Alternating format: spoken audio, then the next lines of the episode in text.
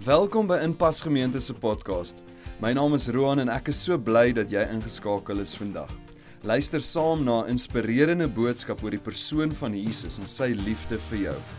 As ons jou op enige manier kan dien of bystaan, maak asseblief kontak met ons. Ons webtuiste is die maklikste manier om dit te doen. Gaan na inpas.org.za en vul die terugvoerstrokie in en ons reik uit na jou. As hierdie podcast 'n impak maak in jou persoonlike verhouding met Jesus, wil ons jou uitnooi om jou geloof prakties uit te leef. Jy kan dit doen deur vrygewig te gee sodat Inpas Gemeente die goeie nuus van Jesus kan verkondig. Kyk gerus op inpas.org.za hoe om 'n bydrae te maak. En nou, sit gerus terug en geniet die boodskap.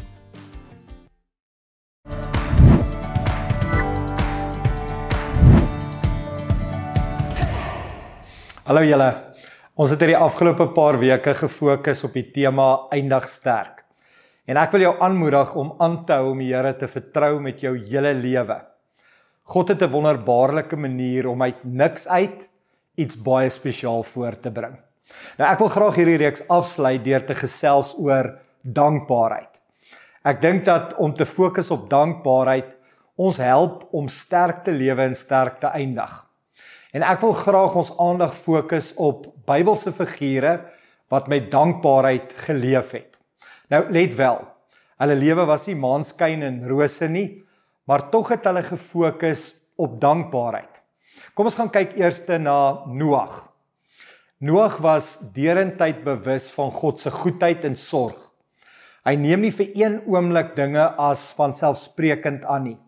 Hy's bewus dat God 24/7 vir hom en sy gesin sorg en die eerste ding toe hy die ark klim is om vir God dankie te sê vir sy goedheid. Kom ons lees Genesis 8 vers 20. Noag bou toe 'n altaar vir die Here en offer daarop van die diere en voëls wat vir hierdie doel bestem was. Ek wil ook kyk na Sara. Sara is 'n wonderbaarlike voorbeeld van iemand wat God se goedheid onthou en erken sy leef 'n lewe van dankbaarheid en lof. Kom ons lees Genesis 21 vers 6. Sara het gejuig. God het my laat lag van vreugde. Almal wat dit hoor, sal saam met my lag. Wie sou ooit vir Abraham sê Sara sal seuns borsvoed? Tog het ek op sy ou dag vir Abraham 'n seun gegee. Of andersins kan ons kyk na iemand soos Dawid wat 'n loflied sing vir die Here. Die psalms is propvol lofliedere en lofwoorde van onder andere Dawid wat die Here loof en prys.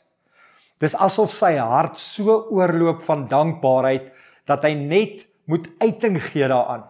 Dan begin hy skryf en dan begin hy dans. Hy kan nie anders nie. Die Here is net te goed en te wonderlik om stil te bly. Kom ons gaan lees in 2 Samuel 22 vers 2. Die Here is my rots, my vesting en my redder. Kom ek lees vir julle ook 2 Samuel 22 vers 20.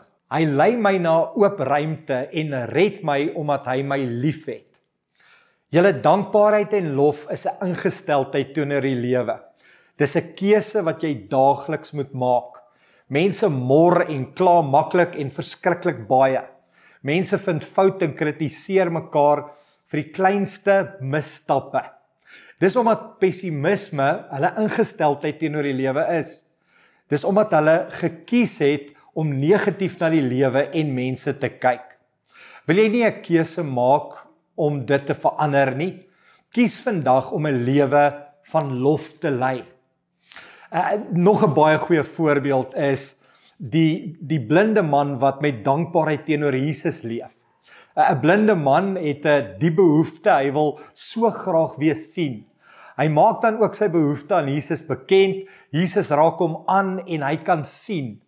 Sy hart is vol dankbaarheid en dis dan ook die rede hoekom hy Jesus volg. Nee, hy volg nie omdat hy iets uit die deal kon kry nie. Hy volg net vir een rede. Hy's dankbaar en kan daarom nie anders as om Jesus te volg nie. Hoor wat sê Markus 10 vers 52. Toe het Jesus vir hom gesê: "Gaan maar, omdat jy so vasgeglo het, het jy gesond geword." Dadelik kon hy sien en hy het op die pad agter Jesus aangegaan. My laaste vraag is: Is jy dalk ondankbaar soos die Israeliete. Die volk Israel het vir baie lank geweldig swaar gekry onder die Farao en die uitkoms en wegvlug moes rede vir een geweldige stuk dankbaarheid gewees het. Uh, dis 'n rede vir 'n weeklange celebration julle, maar o wee. Nie in die geval van die Israeliete nie. By die eerste hiccup raak hulle moedeloos en verlang terug na die dae van slawerny in Egipte. Skielik is elke greintjie dankbaarheid teenoor God by die agterdeur uit. Hoe lank is jou geheue? Veral in die tye waar dit swaar gaan, waar dit sleg is, dink 'n bietjie aan honderde dinge waaroor jy dankbaar kan wees. Iemand het eendag die moeite gedoen om stil te gaan sit en daaroor te dink. Hulle het uiteindelik 'n dik boek oor dankbaarheid geskryf. Is dit nie tyd dat ek en jy opstaan uit ons neerslagtigheid uit nie? Is dit nie tyd dat jy 'n lofoffer en passievolle dankgebed bed na die Here toe bring nie? Nou, kom ons doen dit sommer nou. Ek wil jou vra om rustig te sit, net daar waar jy nou is, om jou oë toe te maak en stil te raak. Dink oor die afgelope dag, die afgelope 24 uur. Laat toe dat die Heilige Gees jou geheue verfris waarvoor jy alles vir die Here kan dankie sê vir die afgelope dag. Maak seker jy dink mooi en gee vir die Here al die eer wat hom toekom. Ek wil jou graag nou vra, kom ons bid saam. Hemelse Vader, ons loof en ons prys U vir die grootheid U is soewerein, U is in beheer. Help ons om met groter dankbaarheid te lewe. In Jesus se naam. Amen. Julle voordat ek vir julle wil oorgee vir julle besprekingsvrae om dit lekker te beantwoord saam te kuier, wil ek julle herinner om asseblief 'n afsluiting vir julle klein groep te reël. En onthou asseblief, ons Kerssangdiens wat die 3de Desember plaasvind, moet dit nie misloop nie. Geniet julle gesprek. Ons sien julle Sondag by die diens en onthou om na die tyd saam te bid.